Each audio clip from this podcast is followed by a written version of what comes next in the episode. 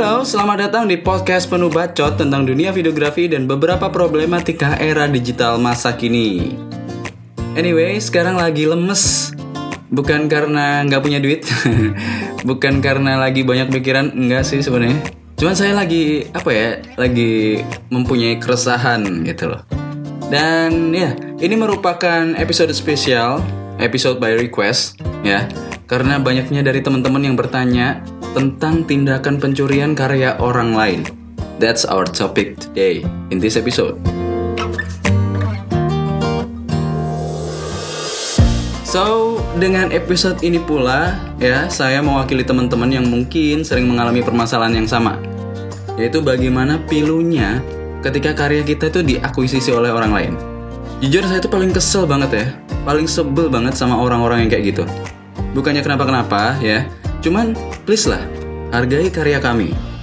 Sebenarnya saya tuh nggak ada masalah kalau misal karya saya tuh dipakai, terus digunakan untuk kebutuhan lain atau mungkin dipublikasikan di tempat lain. Justru saya tuh merasa terima kasih banyak.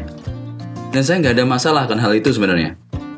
Namanya juga kita berkarya di media sosial yang penikmatnya pun ya bukan cuma orang-orang yang ada di lingkungan sekitar kita gitu. Lebih dari itu, luas.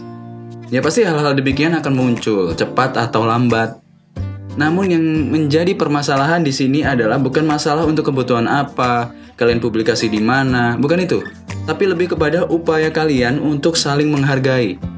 Yes, menghargai kami para creator. Menghargai para creator yang sudah bersusah payah membuat konten seperti ini, ya. Dan caranya pun juga sangat sederhana sebenarnya. Sangat mudah. Bahkan gak dipungut biaya sepeser pun loh. Gak mengurangi aspek apa pun di kehidupan kalian. Enggak. Kalian tuh cukup dengan izin aja lah atas penggunaan konten itu aja udah lebih dari cukup. Kami tuh udah seneng banget. Kami merasa kalian udah menghargai kami atas semua jerih payah yang sudah kami keluarkan untuk membuat sebuah konten. Tapi pada kenyataannya apa? Yang sering saya alami justru sebaliknya. Mereka dengan sengaja mengambil, bahkan mengedit ulang klip tersebut yang mana seolah-olah itu adalah miliknya. Saya udah berusaha untuk memberi watermark sekalipun ya. Eh lah, malah di crop udah dibumbui black bar ya yang setebal alis dedek-dedek gemes pun. Eh malah di scale. Itu kan namanya bangke. Namanya nggak tahu diri. Niat banget gitu loh. Ya mungkin beberapa cara di atas itu udah merupakan upaya saya ya agar setiap karya yang saya buat itu nggak dicolong nggak diambil seenaknya. Tapi nyatanya kecolongan juga kecolongan juga loh. Gembel kan? Jadi gini loh saya pengen memberikan sedikit aja pencerahan ya sedikit aja pandangan. Kenapa kalian itu nggak boleh seenaknya sendiri ngambil konten atau ngambil karya orang lain tanpa izin?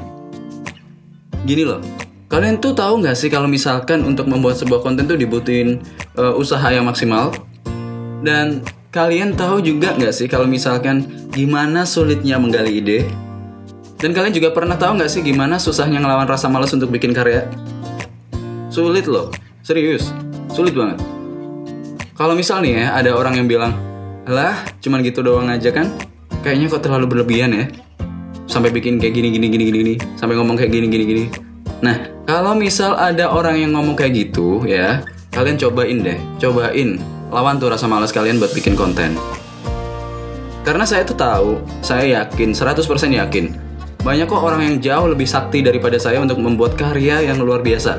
Banyak itu, banyak banget. Namun ya sekali lagi kesaktian itu nggak ada apa-apanya ya kalau kalian tuh cuman ngomong doang, cuman bacot doang, cuman ngomong sebenarnya sih bisa, cuman males, sebenarnya sih gampang, cuman kayak gini gini gini, sebenarnya sih gini gini gini gini. Ya sebenarnya kalian nggak usah ngomong doang gitu loh. Jadi nggak sekedar ngomong doang, tapi nggak ada bukti, percuma. Dan kalau misalkan kalian ngomong kayak gitu, dan kalian komplain tentang apa yang sudah saya ucapkan di sini, ya, saya harap kalian stop aja lah, stop komplain atas apa yang saya keluhkan sekarang, oke? Okay? Ya? Dan lagi masih banyak faktor-faktor lain kenapa saya bilang untuk membuat konten itu susah. Belum lagi ngeditnya, nih, butuh usaha juga, butuh waktu juga. Itu loh, kalian tuh kudu paham, kalian tuh kudu tahu sebenarnya.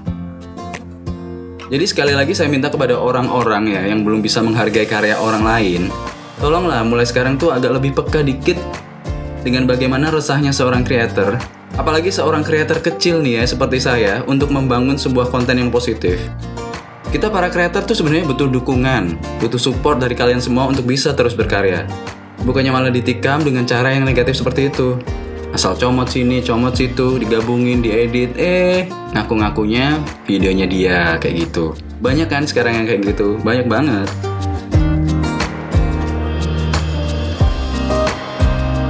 Ya kita sih memang nggak bisa ya untuk memantau secara terus-menerus. Kita memang nggak bisa secara penuh untuk menghindar. Ya tapi paling nggak kita bisa memberi wawasan lah kenapa kalian tuh harus izin atas penggunaan setiap karya yang kalian ambil. Ya karena alasan itu tadi, bikin konten itu susah, ya. Oke? Okay? Ya jadi kayak gitu. Ya semoga siapa pun yang mendengarkan keluh kesah ini, baik dari kalian yang menjadi pelaku atau kalian yang menjadi korban penyalahgunaan konten, Semoga kalian mendengar dan ya harapannya sih hal-hal demikian tuh bisa jauh lebih apa ya diminimalisir lah ya.